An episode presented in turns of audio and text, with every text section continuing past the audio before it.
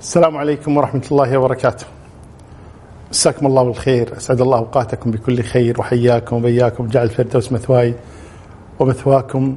نحن في ليلة العيد. آه ليلة يوم النحر. آه ليلة العاشر من ذي الحجة لسنة 41 و400 بعد الألف من هجرة النبي الكريم صلى الله عليه وسلم. الموافق ليلة الحادي والثلاثين من الشهر السابع سنة 20 وألفين من الميلاد. كم كنا نتمنى أن نكون في الحج في مثل هذا الوقت ولكن قدر الله ما شاء فعل والمؤمن يؤجر على نيته. آه على كل حال آه أهنئكم بعيد آه الأضحى وإن شاء الله تعالى غدا يبدأ هذا العيد. ونسأل الله تبارك تكونون بسعادة وراحة وتامة وإيمان وصدق. وإخلاص وتقوى وأسأل الله لكم الخير حيث كان. آه ما زلنا مع كتاب التوحيد وأحب أن أنبه أسبوع العيد سنتوقف إن شاء الله تعالى. سنبدأ هذه الليلة إن شاء الله تعالى ثم نتوقف أسبوع العيد ثم الأسبوع الذي بعده نكمل بحول الله تبارك وتعالى حتى لا نزعج الآخرين بما عندهم من التزامات. وأذكركم وأذكر نفسي بقول النبي صلى الله عليه وسلم ما اجتمع قوم في مجلس يتلون كتاب الله ويتدارسونه بينهم إلا غشيتهم الرحمة وحفتهم الملائكة ونزلت عليهم السكينة وذكرهم الله في من عنده. أسأل الله يجعلنا كذلك جميعا. ونحن مع كتاب التوحيد للإمام محمد بن عبد الوهاب بن سليمان الوهبي التميمي. رحمه الله تبارك وتعالى متوفى سنة 600 بعد الألف من هجرة النبي صلى الله عليه وسلم. ووصلنا إلى الباب الثاني من هذا الكتاب الطيب المبارك. قال الشيخ محمد الوهاب رحمه الله تبارك وتعالى باب من حقق التوحيد دخل الجنة بغير حساب. من حقق التوحيد دخل الجنة بغير حساب. الباب السابق فضل التوحيد وما يكفر من الذنوب. هذا من حقق التوحيد دخل الجنة بغير حساب.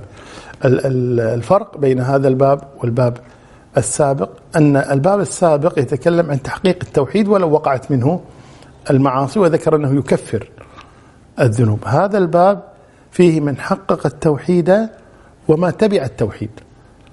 أي ابتعد عن الشرك الأصغر ابتعد عن المعاصي كبيرها وصغيرها فهذا حقق التوحيد بكل أجزائه حتى ابتعد عن المعاصي كلها. نسأل الله يجعلني وإياكم منهم. قال من حقق التوحيد دخل الجنة بغير حساب على ما سيأتي من النصوص في هذا الباب. قال قال الله تعالى إن إبراهيم كان أمة قانتا لله حنيفا ولم يكن من المشركين. إبراهيم هو أبو الأنبياء. صلوات ربي وسلامه عليه. ويقال له أبو الأنبياء لأن الأنبياء الذين جاءوا بعده من نسله سواء من جهة إسحاق أو من جهة إسماعيل. ومن جهة إسحاق يعقوب ويوسف وموسى وعيسى وداود وسليمان وأيوب وزكريا ويحيى وهارون كل هؤلاء من جهة إسحاق. من جهة إسماعيل نبينا محمد. صلوات ربي وسلامه عليهم أجمعين. ولذا يقال لإبراهيم إنه أبو الأنبياء. والله تبارك وتعالى هنا يثني على إبراهيم لتزداد محبته في قلوبنا ولنقتدي به صلوات ربي وسلامه عليه. يقول إن إبراهيم كان أمة. كلمة أمة تأتي في لغة العرب وفي كتاب الله تبارك وتعالى طبعا لأنه هو أصل لغة العرب حقيقة يعني هو أحسن لغة العرب. القرآن الكريم آه كلمة أمة جاءت في كتاب الله تبارك وتعالى معان عدة. من هذا تأتي كلمة أمة بمعنى آه مدة زمنية. كما قال الله تبارك وتعالى قال الذين قال الذي نجا منهما وادكر بعد أمة. أي بعد مدة. وتأتي أمة بمعنى طائفة عدد كبير من الناس. كما قال الله تبارك ولقد بعثنا في كل أمة رسولا. أي في كل جماعة كبيرة طائفة من الناس أرسلنا رسولا. فأمة تأتي بمعنى طائفة كبيرة من الناس. وتأتي أمة بمعنى الإمام المتبع. كما في هذه الآية إن إبراهيم كان أمة. يعني كان إماما متبعا حاز الفضائل كلها. صلوات ربي وسلامه عليه. وتأتي أمة بمعنى ملة دين مذهب. إنا وجدنا آباء على أمة أي على مذهب على ملة على دين. فكل هذه تأتي هنا. المقصود هنا إن إبراهيم كان أمة أي كان إماما متبعا قدوة. صلوات ربي وسلامه عليه. ولماذا كان قدوة؟ بين الله تبارك وتعالى ذلك. في كتابه العزيز قال ولم يكن من المشركين حنيفا. فإبراهيم عليه الصلاة والسلام إذن قدوة حنيف أي مائل عن الشرك وأهله لما تبرأ من أبيه وتبرأ من قومه صلوات ربي وسلامه عليه وبرأ من الشرك كله ودعا إلى توحيد الله تبارك وتعالى. فإبراهيم عليه الصلاة والسلام إذا انتصف بأربعة أمور ذكرها الله تبارك وتعالى. أولا كان أمة أي إماما قدوة كان قانتا أي آه، القانت هو المستمر القائم على طاعة الله تبارك وتعالى الذي لا ينفك عن طاعة الله تبارك وتعالى. هذا هو القانت المستمر على طاعة الله تبارك وتعالى. وأيضا كان حنيفا أي مائلا عن الشرك وأهله ثم قال ولم يكن من المشركين أي لم آه، يخالط المشركين ولم يتبعهم في شيء بل كان منافرا لهم مباعدا عنهم صلوات ربي وسلامه عليه لكمال توحيده. وكان ابن مسعود رضي الله عنه آه، في مجلس فقال إن معاذا كان أمة قانتا لله. قال إن معاذا كان أمة قانتا لله. فقال أحد الناس الحضور آه، نسي إنما هو إبراهيم. يعني يقول أخطأ عبد الله بن مسعود قال كان معاذا أمة قانتا والآية في إبراهيم عليه الصلاة والسلام إن إبراهيم كان أمة قانتا لله حنيفا. فكيف يقول عن آه، معاذ؟ نسي يقول نسي. فغضب ابن مسعود قال من نسي؟ ما كنا نشبه معاذا إلا بإبراهيم عليه الصلاة والسلام. يعني أنا متعمد ما نسيت. ما وضعت معاذا مكان إبراهيم نسيانا. لكن عندنا نحن أصحاب محمد صلى الله عليه وسلم كنا نقول عن معاذ إنه أمة. وهذا لكمال دين معاذ بن جبل رضي الله عنه. وكان عمر يقول أعلمنا بالحلال والحرام معاذ بن جبل. وجاء في حديث مرفوع عن النبي صلى الله عليه وسلم أعلمكم بالحلال والحرام معاذ. ولكنه لا يصح وإنما صح من قول عمر أعلمنا بالحلال والحرام معاذ. وصح عن النبي صلى الله عليه وسلم أنه قال عن معاذ يأتي معاذ يوم القيامة يسبق العلماء برتوة. قالوا رتوة حذفة حجر رمية حجر يسبق العلماء برمية حجر. وذلك لكمال علمه رضي الله عنه وأرضاه. مع أن معاذ بن جبل رضي الله عنه توفي وله من العمر 33 سنة. ومع هذا حاز من العلم الشيء الكثير لحرصه ومتابعته للنبي صلى الله عليه وسلم. وكان النبي يرسله يبلغ دين الله تبارك وتعالى من الحديث المشهور حديث ابن عباس لما أرسل معاذ إلى اليمن فقال يا معاذ إنك تقدم على قوم أهل كتاب. معنى هذا أن عندهم شبهات وعندهم يعني بقايا من دين موسى أو بقايا من دين عيسى صلوات ربي وسلامه عليهما. فليكن أول ما تدعوهم إليه وبين له النبي صلى الله عليه وسلم ما يدعو إليه. فالقصد إذن أن الإنسان يكون أن الإنسان يكون إماما إذا كان متبعا ولذلك شبه ابن عباس وغيره من الصحابة معاذا بإبراهيم. قال ما كنا نقول عن معاذ إلا إبراهيم. يعني نشبهه بإبراهيم صلوات ربي وسلامه عليه. والله تبارك وتعالى يقول في كتابه العزيز وجعلنا منهم أئمة يهدون بأمرنا لما صبروا وكانوا بآياتنا يوقنون. قال ابن تيمية بالصبر واليقين تنال الإمامة في الدين. بالصبر واليقين تنال الإمامة في الدين. وهنا عندما يقول الله تبارك وتعالى إن إبراهيم كان أمة. طيب قدوة متبعا وقال أمة يعني أنه بمنزلة أمة أيضا. لأن تدخل هذه المعاني كلها في أمة. قالوا حتى لا يستوحش السالك إذا وجد قلة السالكين معه. ورأى كثرة الهالكين. لا يهتم. لا يغرنك كثرة الهالكين وقلة السالكين. أبدا. بل اعرف الحق تعرف أهله. وإن قلوا. وهذا هو الأصل. كما قال الله تبارك وتعالى وإن تطع أكثر من في الأرض يضلوك عن سبيل الله. ويقول الله تبارك وتعالى وما أكثر الناس حرصت بمؤمنين. ويقول وما يؤمن أكثرهم بالله إلا وهم مشركون. فالقلة ليست دليلا على البعد عن الحق. فلذلك المثال المنتشر عند الناس مع الخيل يا شقرة غير صحيح أبدا أن مع الكثرة وخلاص وكذا أبدا. بل الإنسان يتبع الحق أينما وجده التزمه. هذا هو الأصل. نعم. قال سبحانه وتعالى والذين هم بربهم لا يشركون.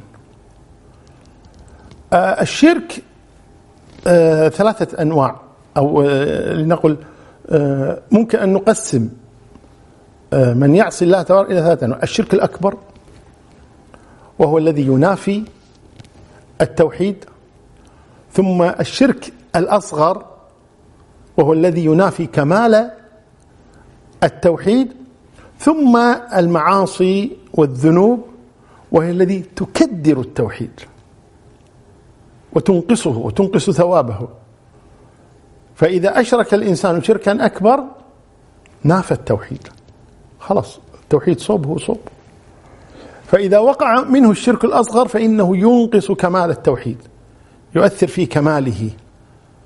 يبقى موحدا لكن توحيده مخدوش. أما المعاصي والذنوب فإنها تكدر التوحيد. هي قريبة من الشرك الأصغر لكن دونه. فهذه الشوائب من المعاصي وغيرها إنها تنقص ثواب التوحيد لأنه في النهاية أطاع هواه أطاع الشيطان أطاع رفقاء السوء. المهم أنه عصى الله تبارك وتعالى. قال جل وعلا والذين هم بربهم لا يشركون هذا ذكرها في آه، جملة ثنائه على المؤمنين. سبحانه وتعالى قال ومن صفاتهم أنهم بربهم لا يشركون لكمال توحيدهم وكمال التزامهم بدين الله تبارك وتعالى. قال وعن آه، حسين ابن عبد الرحمن قال كنت عند سعيد بن جبير. فقال أيكم رأى الكوكب الذي انقض البارحة؟ فقلت أنا. ثم قلت أما إني لم أكن في صلاة.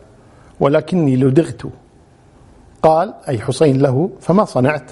قال ارتقيت. وفي رواية مسلم استرقيت. قال فما حملك على ذلك؟ لماذا استرقيت؟ يعني طلبت الرقية أن أحدا يرقيك؟ قلت حديث حدثناه الشعبي. الشعبي معروف هو عامر بن شراحيل الشعبي من أئمة التابعين. قال حديثا حدثناه أو حديث حدثناه الشعبي. قال وما حدثكم؟ قال حدثنا عن بريدة بن الحصيب أنه قال لا رقية إلا من عين أو حمى. لا رقية إلا من عين أو حمى وهذه حمى. والحمى هي آه، أي هامة أو دابة فيها شيء من السم كالحية والعقرب وما شابه ذلك.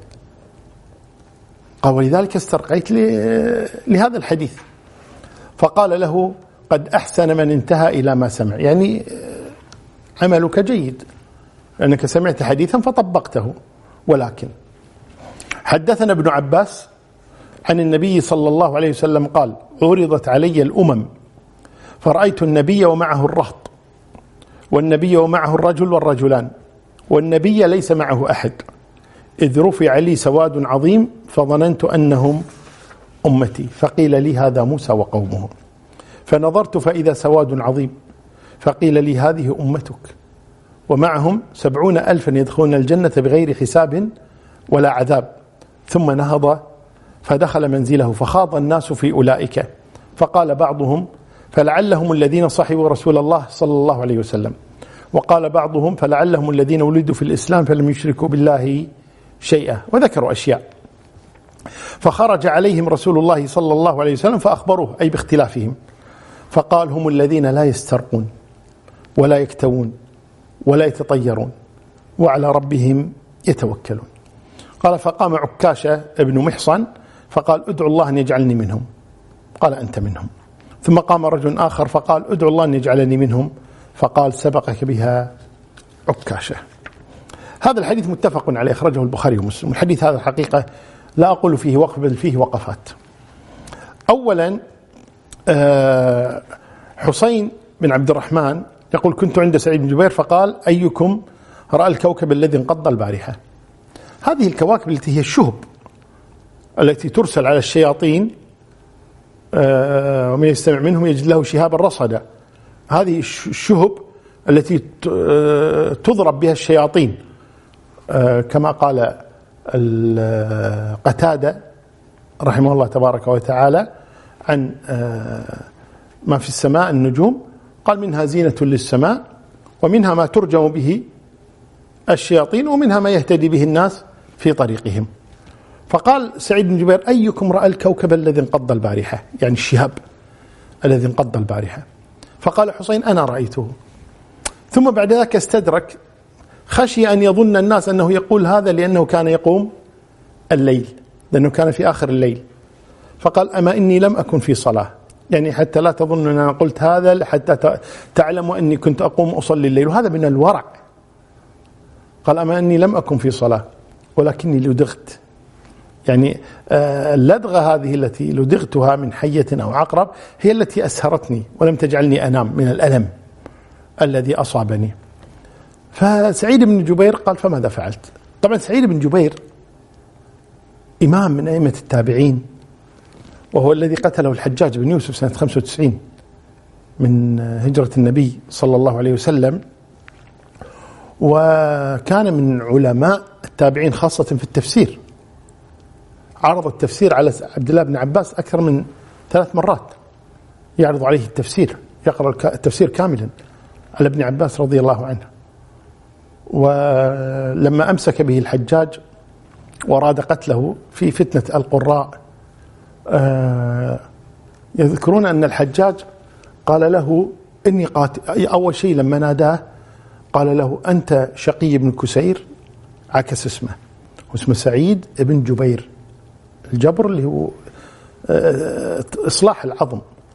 قال أنت شقي ابن كسير. وليس سعيد بن جبير. قال أنت شقي بن كسير؟ قال أنا كما سماني أبي سعيد بن جبير. قال إني قاتلك. قال اصنع ما بدا لك. قال اختر القتلة التي أقتلك إياها. قال اختر أنت. فإن وراءك القصاص. الله سيقتص لي. الله سيأخذ حقي منك. هكذا يقولها في وجهه. كلمة حق عند سلطان جائر. قال اختر أنت فإن وراءك القصاص. قال فماذا تريد قبل أن تموت؟ قال أصلي ركعتين. فقال الحجاج وجهوه إلى قبلة النصارى. يقصد أنه يعني كفر بخروجه على الإمام في ذلك الوقت. قال وجهوه إلى قبلة النصارى. فقال له سعيد بن جبير فأينما تولوا فثم وجه الله. وجهني أينما شئت. ثم صلى ركعتين ثم قتلوه رضي الله عنه. ويذكر ذكر الحافظ بن كثير رحمه الله تعالى في النهاية أن الحجاج بن يوسف بقي بعده خمسة عشر يوما يزوع الدم حتى مات. بعد قتله لسعيد بن جبير. على كل حال سعيد بن جبير هنا سأل حسينا قال لماذا يعني كنت مستيقظا؟ قال له دغت قال ماذا صنعت؟ قال ارتقيت. ارتقيت يعني طلبت الرقية من الغير. وفي رواية استرقيت. أي طلبت غيري أن يرقيني والرقية هي أن يأتي إنسان ويضع يده على مكان الألم أو شيء فيقرأ عليه شيئا من القرآن أو يدعو. فقال استرقيت. في رواية مسلم وفي رواية الصحيحين ارتقيت. والمعنى واحد. قال فما حملك على ذلك؟ يعني لماذا استرقيت؟ قال حديث حدثناه الشعبي. قال ما حدثكم الشعبي؟ قال حدثنا عن بريدة ابن الحصيب عن النبي صلى الله عن بريدة بن الحصيب أنه قال لا رقية إلا من عين أو حمى. العين العين الحسد.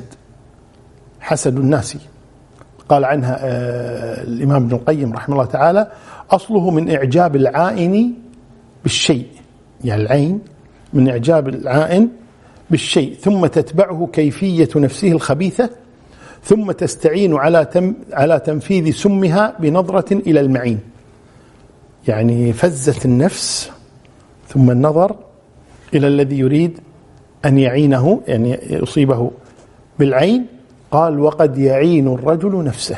والعياذ بالله. وقد يعين وهو لا يريد ذلك. قد يعين قد يحسد نفسه. وقد يحسد وهو لا يريد ذلك. و ذكر ابن القيم نصوص الفقهاء أن هذا وأمثاله الذي لا يملك نفسه تفز نفسه لكل شيء ويصيب الناس بالعين. قال هذا يسجن يسجنه الإمام ويجري عليه النفقة ونفقة أهله وكذا بس إنه محبوس. يقول حتى يموت. لماذا؟ لأن خروجه من السجن إيذاء للناس. فيقول أنت مسجون ماكل شارب نايم ولك نفقة وهلك لهم نفقتهم وكذا وكذا لكن لا نتركك تعيث في الأرض فسادا. تعين هذا وتعين هذا. فالعين حق. العين حق. ولذلك النبي صلى الله عليه وسلم قال العين حق. ولو كان شيء سابق القدر لسبقته العين. وإذا استغسلتم فاغسلوا. يعني إذا إنسان أصاب غيره بالعين وطلب غيره منه غسله أو وضوءه فلا يتردد يعطيه. لأنه قد يكون آه، أصابه بالعين وهو لا لا يقصد ذلك. لكن نفسه فزت على هذا الشيء غصبا عليه. وعلى كل حال هذا الموضوع موضوع العين وأثرها وكيفية العلاج منها إن شاء الله تعالى هذا يحتاج إلى درس قائم بذاته. ونعدكم إن شاء الله تعالى آه، بعد القادم الأسبوع القادم قلنا إجازة إن شاء الله تعالى. الأسبوع بعد القادم إن شاء الله سنستضيف أحد الخبراء في هذا الموضوع وسنناقشه في موضوع العين وكيفية آه، إصابتها وكيف ينجو الإنسان منها وكيف تعالج آه، هذه العين إذا أصيب بها إنسان. فإن شاء الله تعالى نعدكم الأسبوع بعد القادم يعني الأحد إن شاء الله تعالى ليس القادم وإنما الذي بعده بحول الباري. نعم. قال لا رقية إلا من عين أو حمى. فقال قد أحسن من انتهى إلى ما سمع. ثم قال ولكن حدثنا ابن عباس عن النبي صلى الله عليه وسلم قال عرضت علي الأمم. متى عرضت عليه؟ قيل بالإسراء وقيل رؤيا منام. وأكثر أهل العلم على أنها رؤيا منام. رآها النبي صلى الله عليه وسلم ورؤيا الأنبياء حق كما ثبت عن النبي صلى الله عليه وسلم. قال فرأيت النبي ومعه الرهط. الرهط يعني الجماعة من الناس. قال ورأيت النبي ومعه الرهيط في بعض الروايات. ورأيت النبي ومعه الرجلان. ورأيت النبي ومعه الرجل. ورأيت النبي ليس معه أحد. الله أكبر. تصوروا؟ هل تستوعبون هذا معي؟ نبي يأتي معه الرهط. الرهط يعني عدد قليل ترى من ثلاثة إلى تسعة. وفي رواية الرهيط. ويأتي النبي معه الرجلان. صوروا نبي يدعو إلى الله أوتي الحكمة والصدق والمعجزات وحسن الكلام والسمت والقدوة وكذا. يتبعه رجلان. قال ورأيت النبي ومعه الرجل. تصوروا النبي يأتي يوم القيامة معه واحد بس آمن به. بس واحد. وقول الله تبارك وتعالى واضح عن إبراهيم عليه الصلاة والسلام. فآمن له لوط. يأتي النبي معه الرجل. قال ويأتي النبي وليس معه أحد. نبي يأتي يدعو يدعو يدعو يدعو يدعو حتى يموت. ما يستجيب له أحد. ذاك لا يحزن الإنسان إذا لم يستجب له أحد. ليس عليك هداهم. ولكن الله يهدي من يشاء. الله سبحانه هو الذي يهدي. لسنا نحن. نحن أسباب. نحن ندل. هدايتنا هداية دلالة. هداية إرشاد. أما هداية التوفيق هداية الإلهام.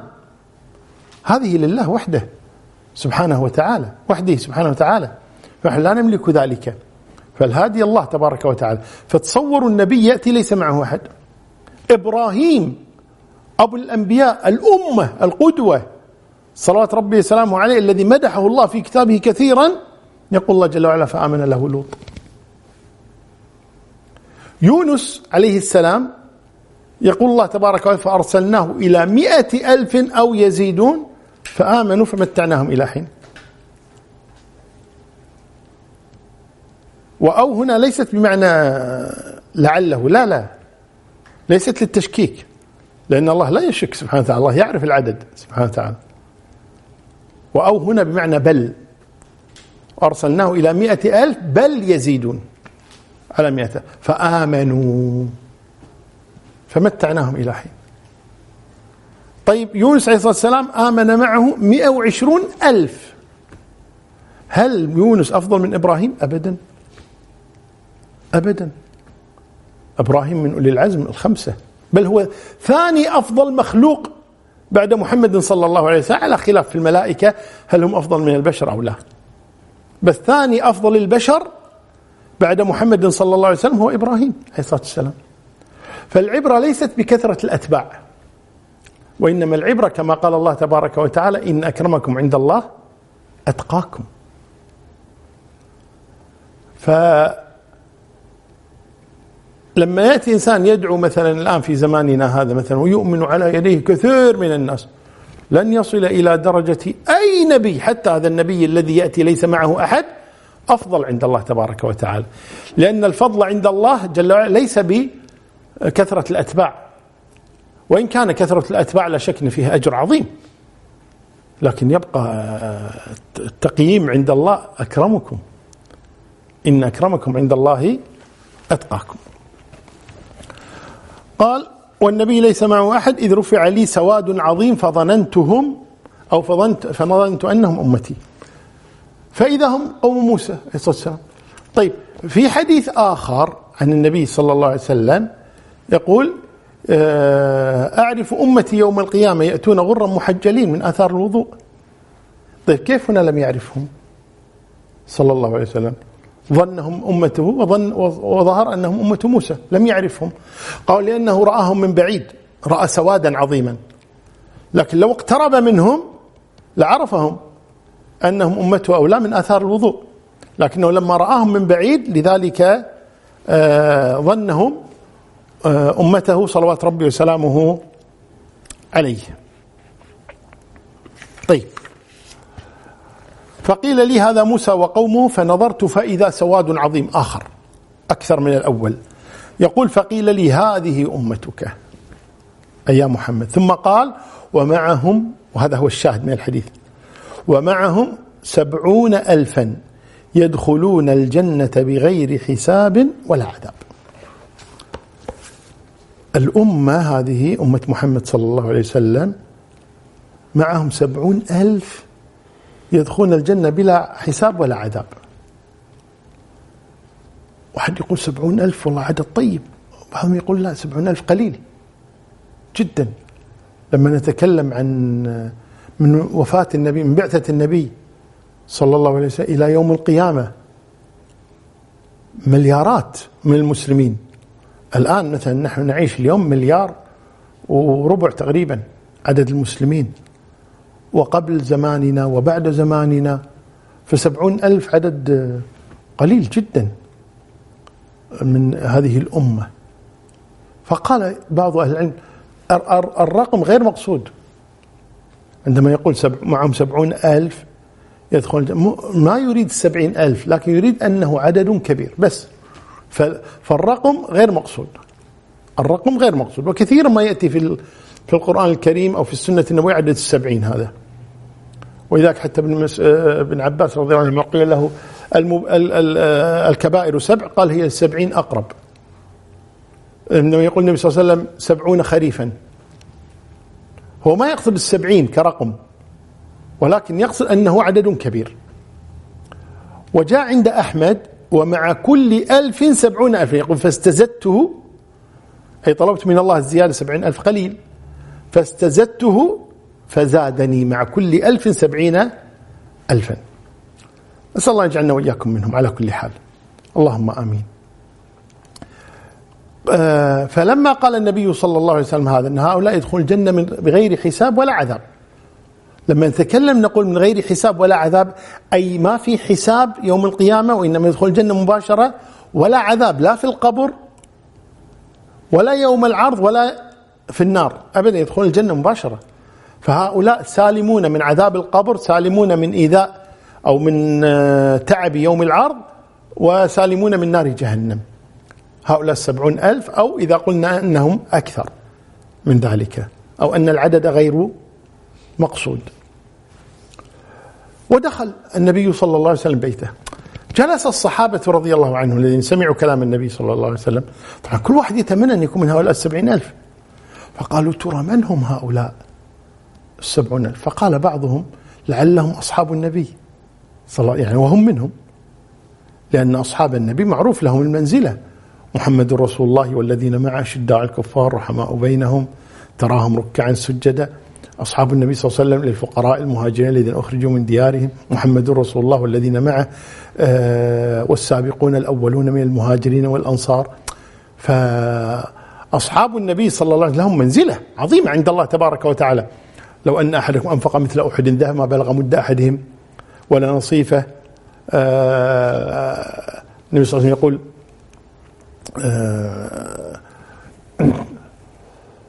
آه، لا إله إلا الله نسيت أول الحديث. المهم أن النبي صلى الله عليه وسلم يخبر عن نفسه أنه آه، إذا ذهب أتى أمته ما يوعدون وإذا ذهب أصحابه أتى أمته ما يوعدون. لكن المهم أن النبي صلى الله عليه وسلم مدح أصحابه رضي الله عنهم فقال فإذا ذهبت أتى أصحابي ما يوعدون وإذا ذهب أصحابي أتى أمتي ما توعد. فإذا أصحاب محمد لهم منزلة عظمى قالوا لعلهم أصحاب النبي صلى الله عليه وسلم.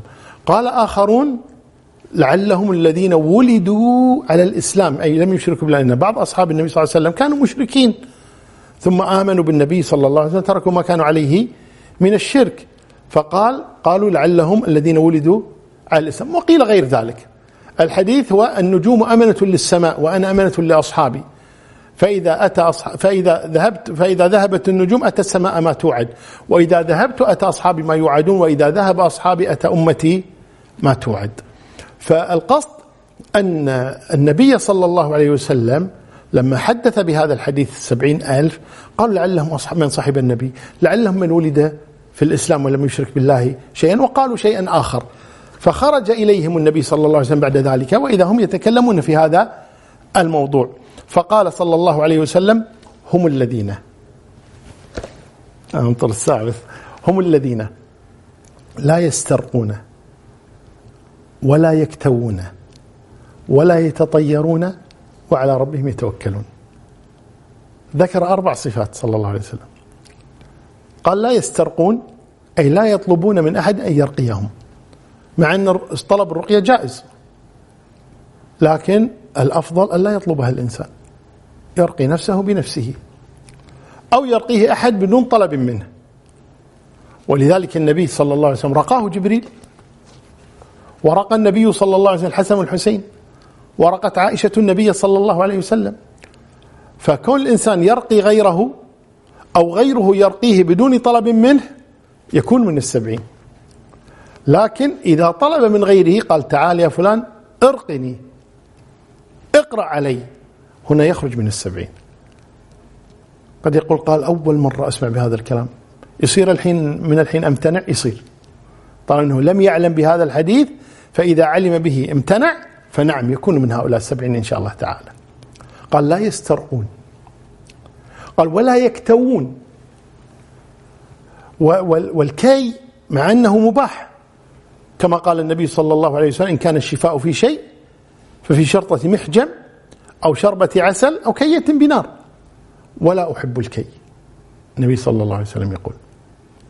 فالقصد آه، قال ولا يكتوون. الكي وردت فيه كما قال ابن القيم رحمه الله تعالى عن النبي صلى الله عليه وسلم يعني أربعة أحوال. الحال الأول هذا الحديث. مدح من لا يكتوي. قال هم الذين لا يسترقون ولا يكتوون. وفي حديث آخر قال ولا أحب الكي فذكر أنه لا يحبه صلى الله عليه وسلم. في حديث ثالث عن النبي صلى الله عليه وسلم قال وأنهى عن الكي وفي حديث الرابع أن النبي صلى الله عليه وسلم آه، أمر بكي آه، عبد الله بن عمرو بن حرام والد جابر كما صحيح مسلم وأمر بكي أسعد بن زرارة. لما أصيب كما عند الترمذي. فكيف نجمع بين هذه الأحاديث؟ قال ابن القيم رحمه الله تعالى أما فعله للكي لما أمر بكي عبد الله بن عمرو بن حرام وأمر بكي آه، آه، أسعد بن زرارة قال هذا على الجواز. انتهينا الآن. هذا الجواز. طيب لما قال لا أحب الكي دل على أن تركه أولى. لما نهى النبي عن الكي دل على أنه مكروه. ولما قال النبي صلى الله عليه وسلم عن هؤلاء السبعين ألف لا يكتوون دل على أن تركه أفضل. إذا كل الأحاديث تدل على جواز الكي وتدل على أن تركه أولى جمعا بين هذه النصوص أن الكي جائز وأن تركه أولى إنسان يبتعد عن الكي أفضل من إتيانه.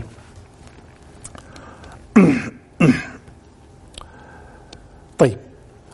آه، قوله سبعون ألف يدخل الجنة بغير حساب ولا عذاب. عند مسلم في الصحيحين عند مسلم البخاري تضيء وجوههم إضاءة القمر ليلة البدر. الله أكبر. هؤلاء السبعون ألف. وجوههم تضيء. في ذلك اليوم كإضاءة القمر ليلة البدر.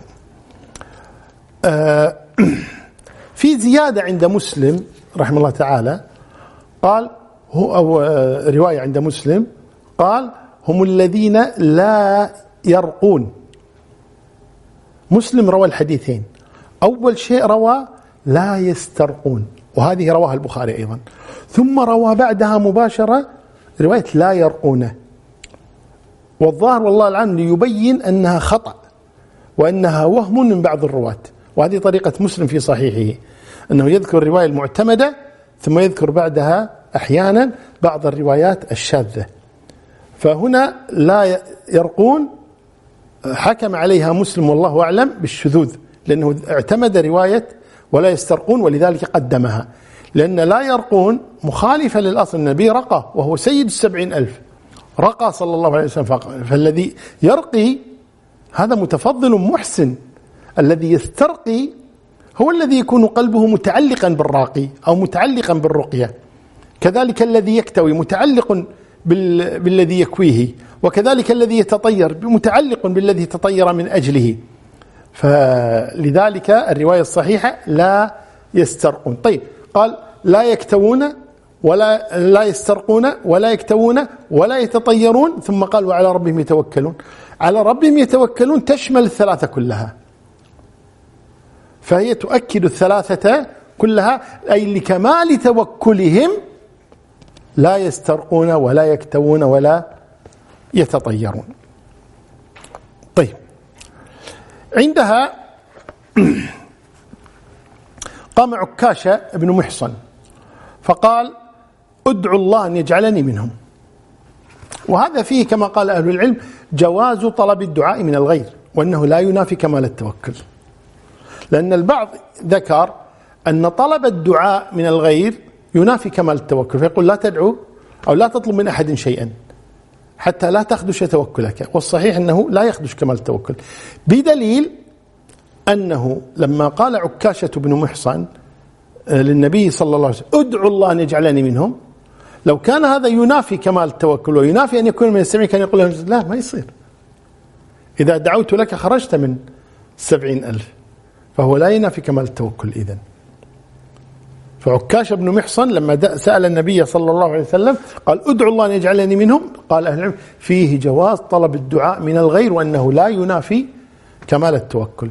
فقال النبي صلى الله عليه وسلم أنت منهم. وفي رواية عند البخاري قال اللهم اجعله منهم. يعني دعا له. ومعلوم أن دعاء النبي صلى الله عليه وسلم مستجاب. وعكاشة لما قال هذا الكلام أدعو الله أن يجعلني منهم.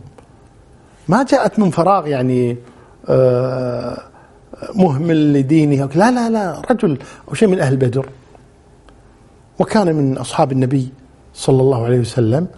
وفي الوقت ذاته مات في قتال في قتال المرتدين.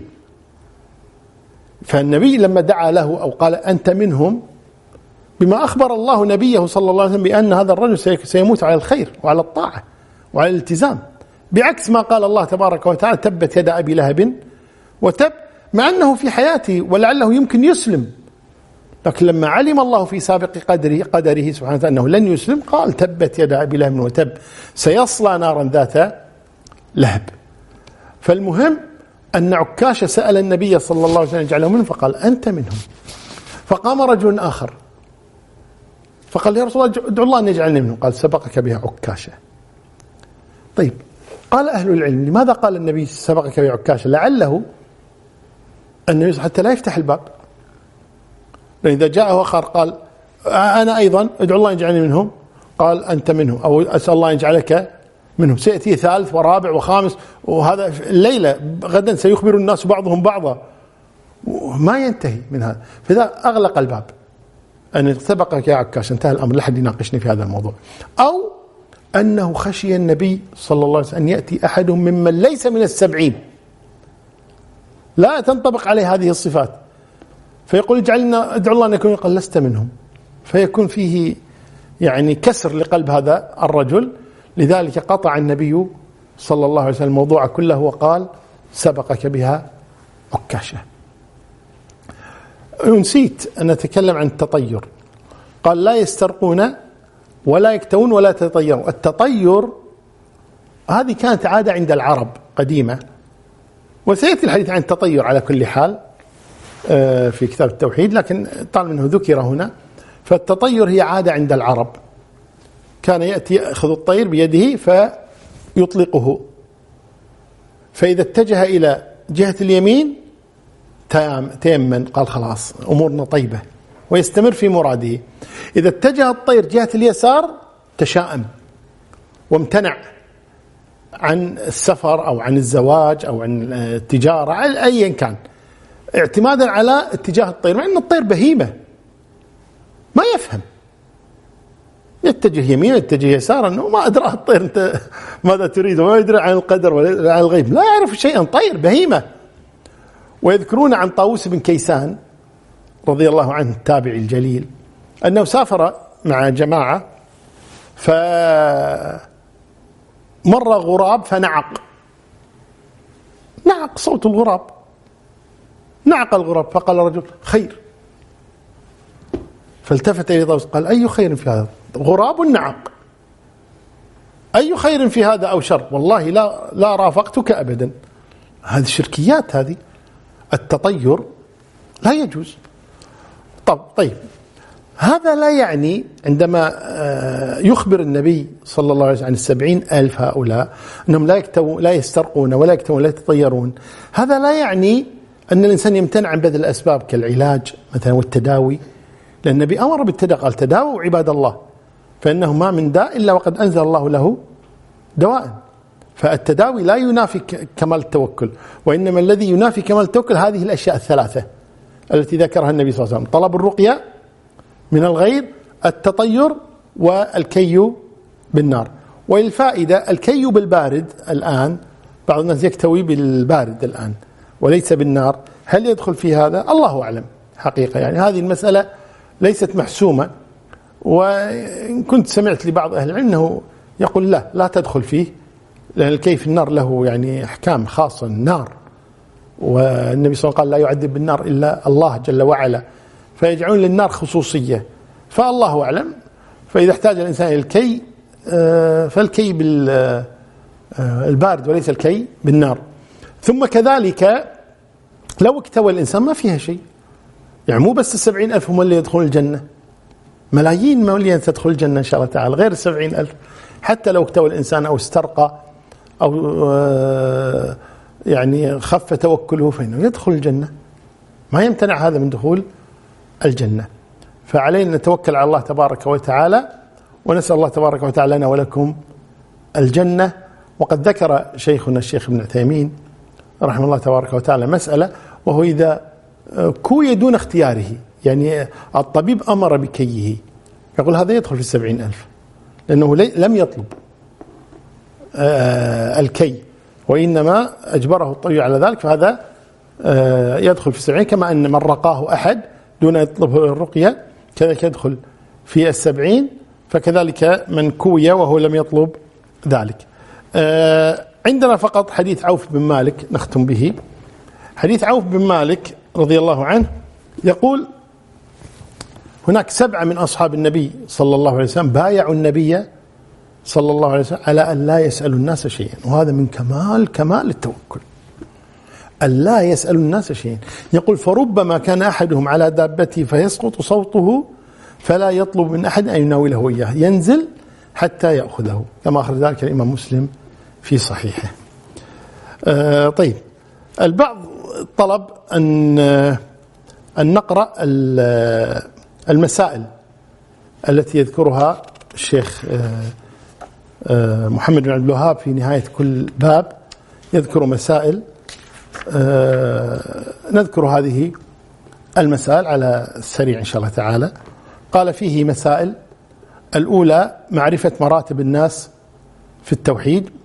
الثانية ما معنى تحقيقه يعني تحقيق التوحيد. هو بكمال التوكل على الله تبارك وتعالى.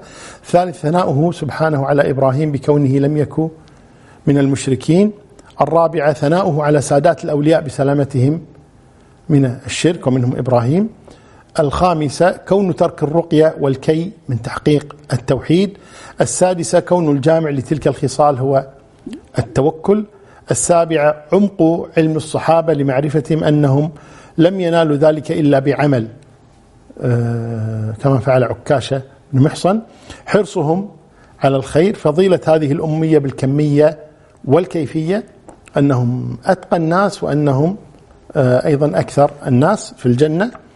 فضيلة أصحاب موسى وذلك لكثرة أتباعه عرض الأمم عليه عليه الصلاة والسلام أن كل أمة تحشر وحدها مع نبيها يأتي النبي معه الرهط يأتي النبي معه الرجلان يأتي النبي معه الرجل.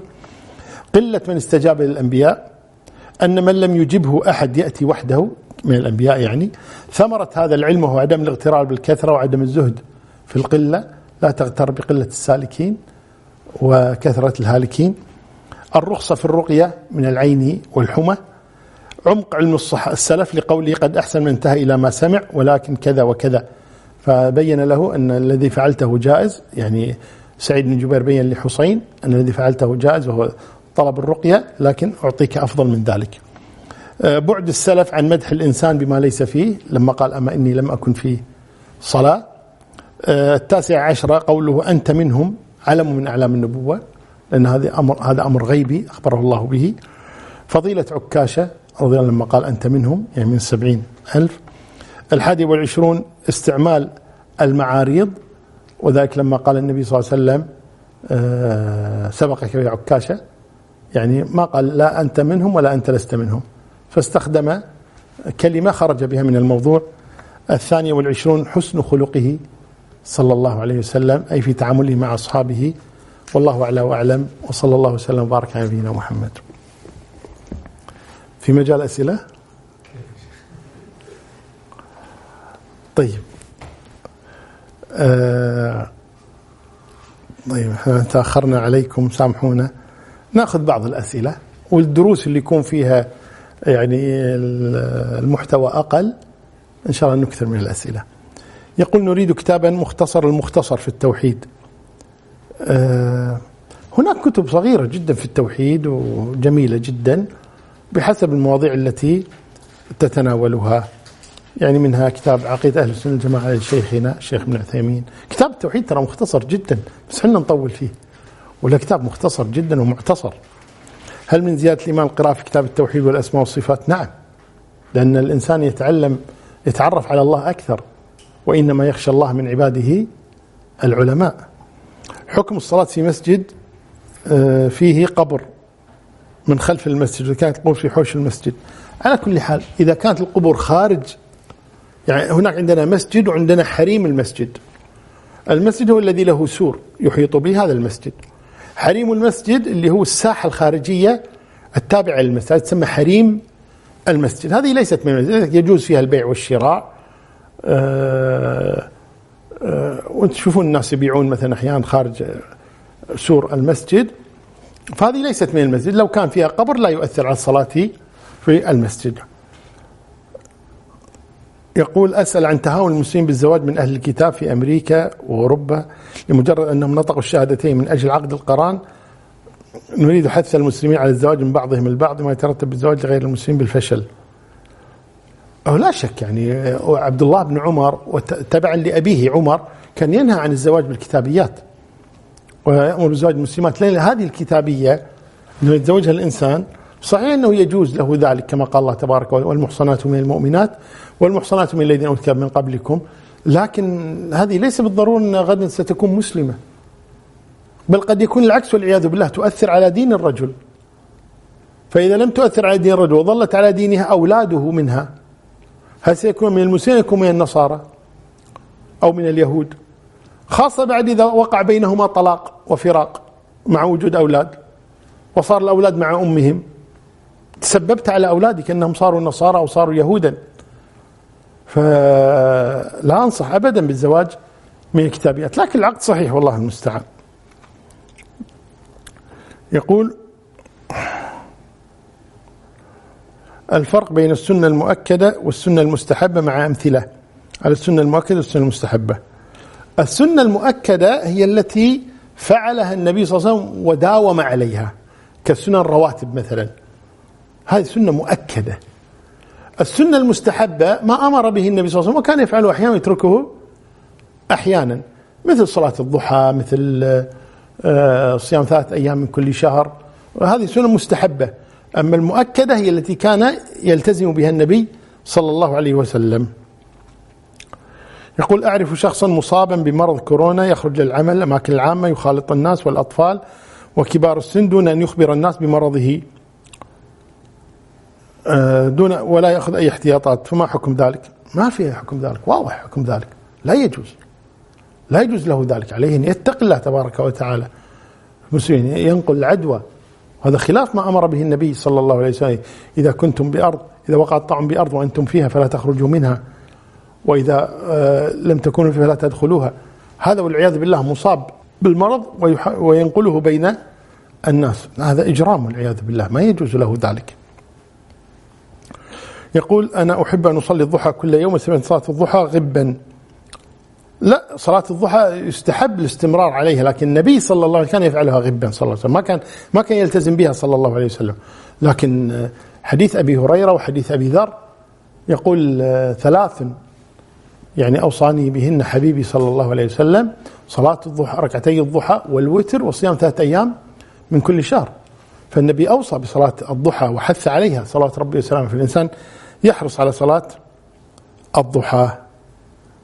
طيب. هذه سائلة تقول هل يجوز الطلاق بسبب ريحة الزوجة؟ وكذلك الزوجة تطلب الطلاق بسبب ريحة الزوج غير المقبولة؟ آه، طبعا أول شيء على الزوجين أن يتقي الله في هذا الأمر. يعني الزوجة عليها أن تتزين لزوجها وأن تبعد عنها الروائح الكريهة وأن تحرص على الرائحة الطيبة والزوج كذلك آه، يبعد عن رائحة العرق وغير ذلك ويهتم بنفسه. يقول ابن عباس والله إني لأتزين لزوجتي كما أحب أن تتزين لي.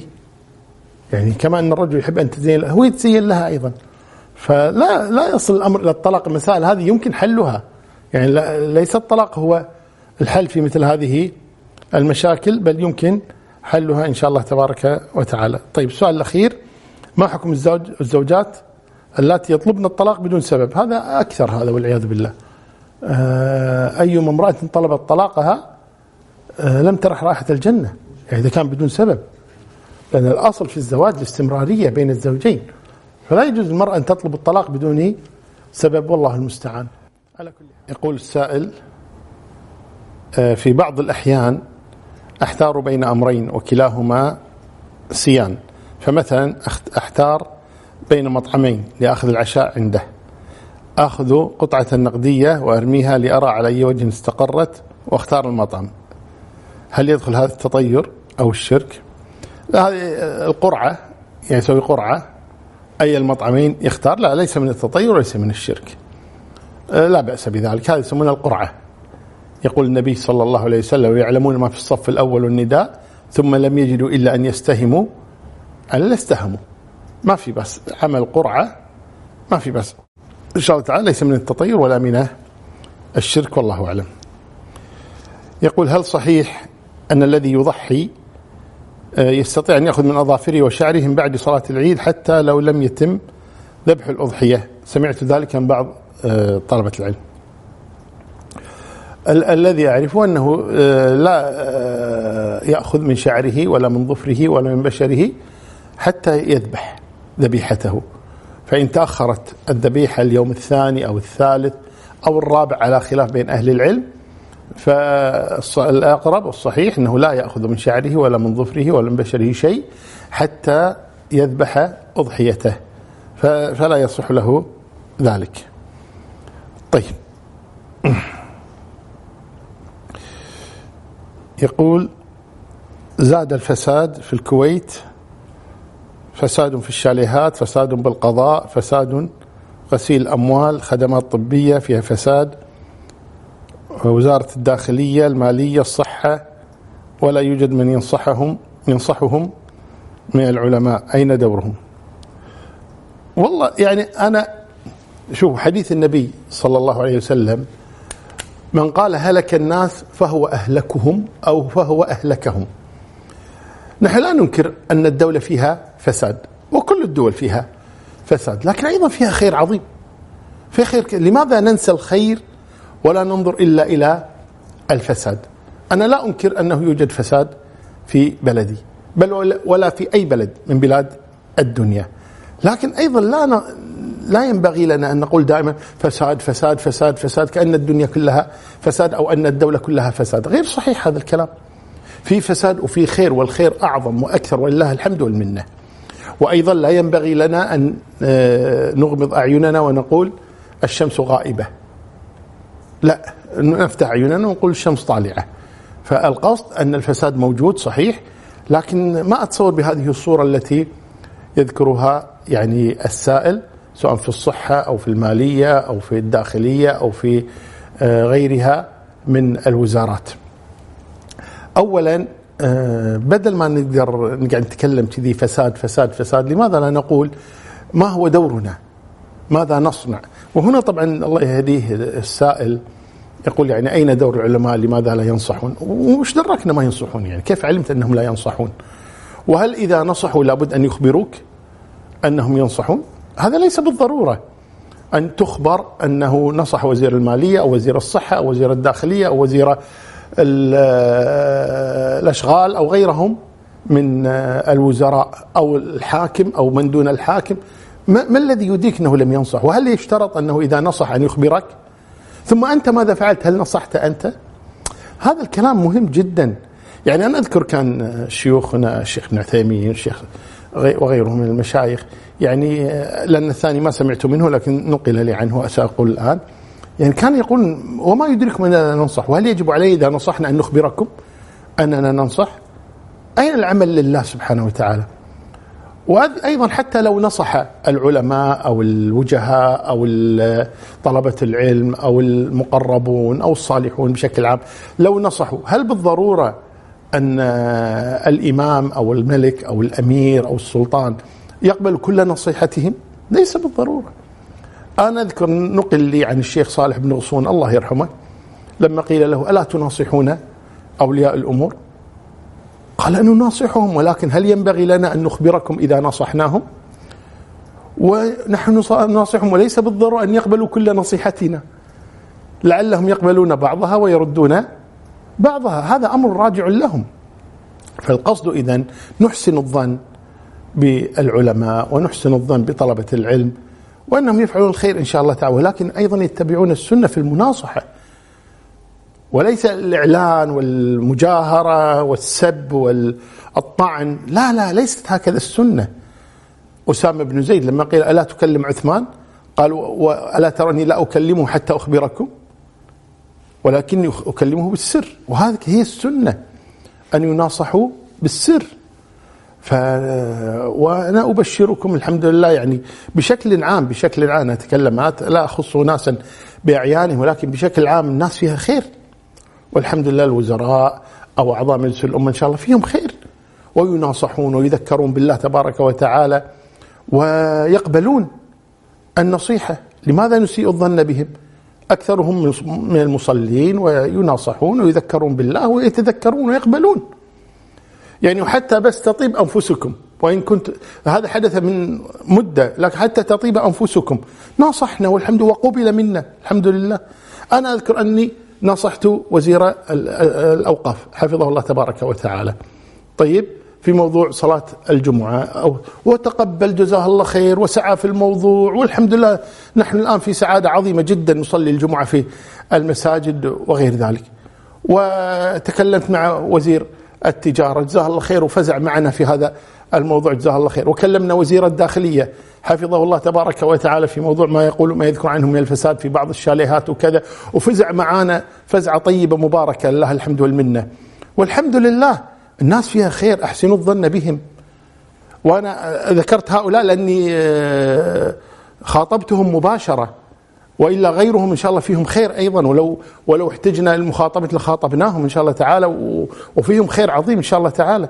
فأحسنوا الظن بهم وأحسنوا الظن بنا وأحسنوا الظن بأنفسكم وأحسنوا الظن بالناس كلهم إن شاء الله تعالى. والناس على خير والبلد فيها خير عظيم جدا لله الحمد والمنة.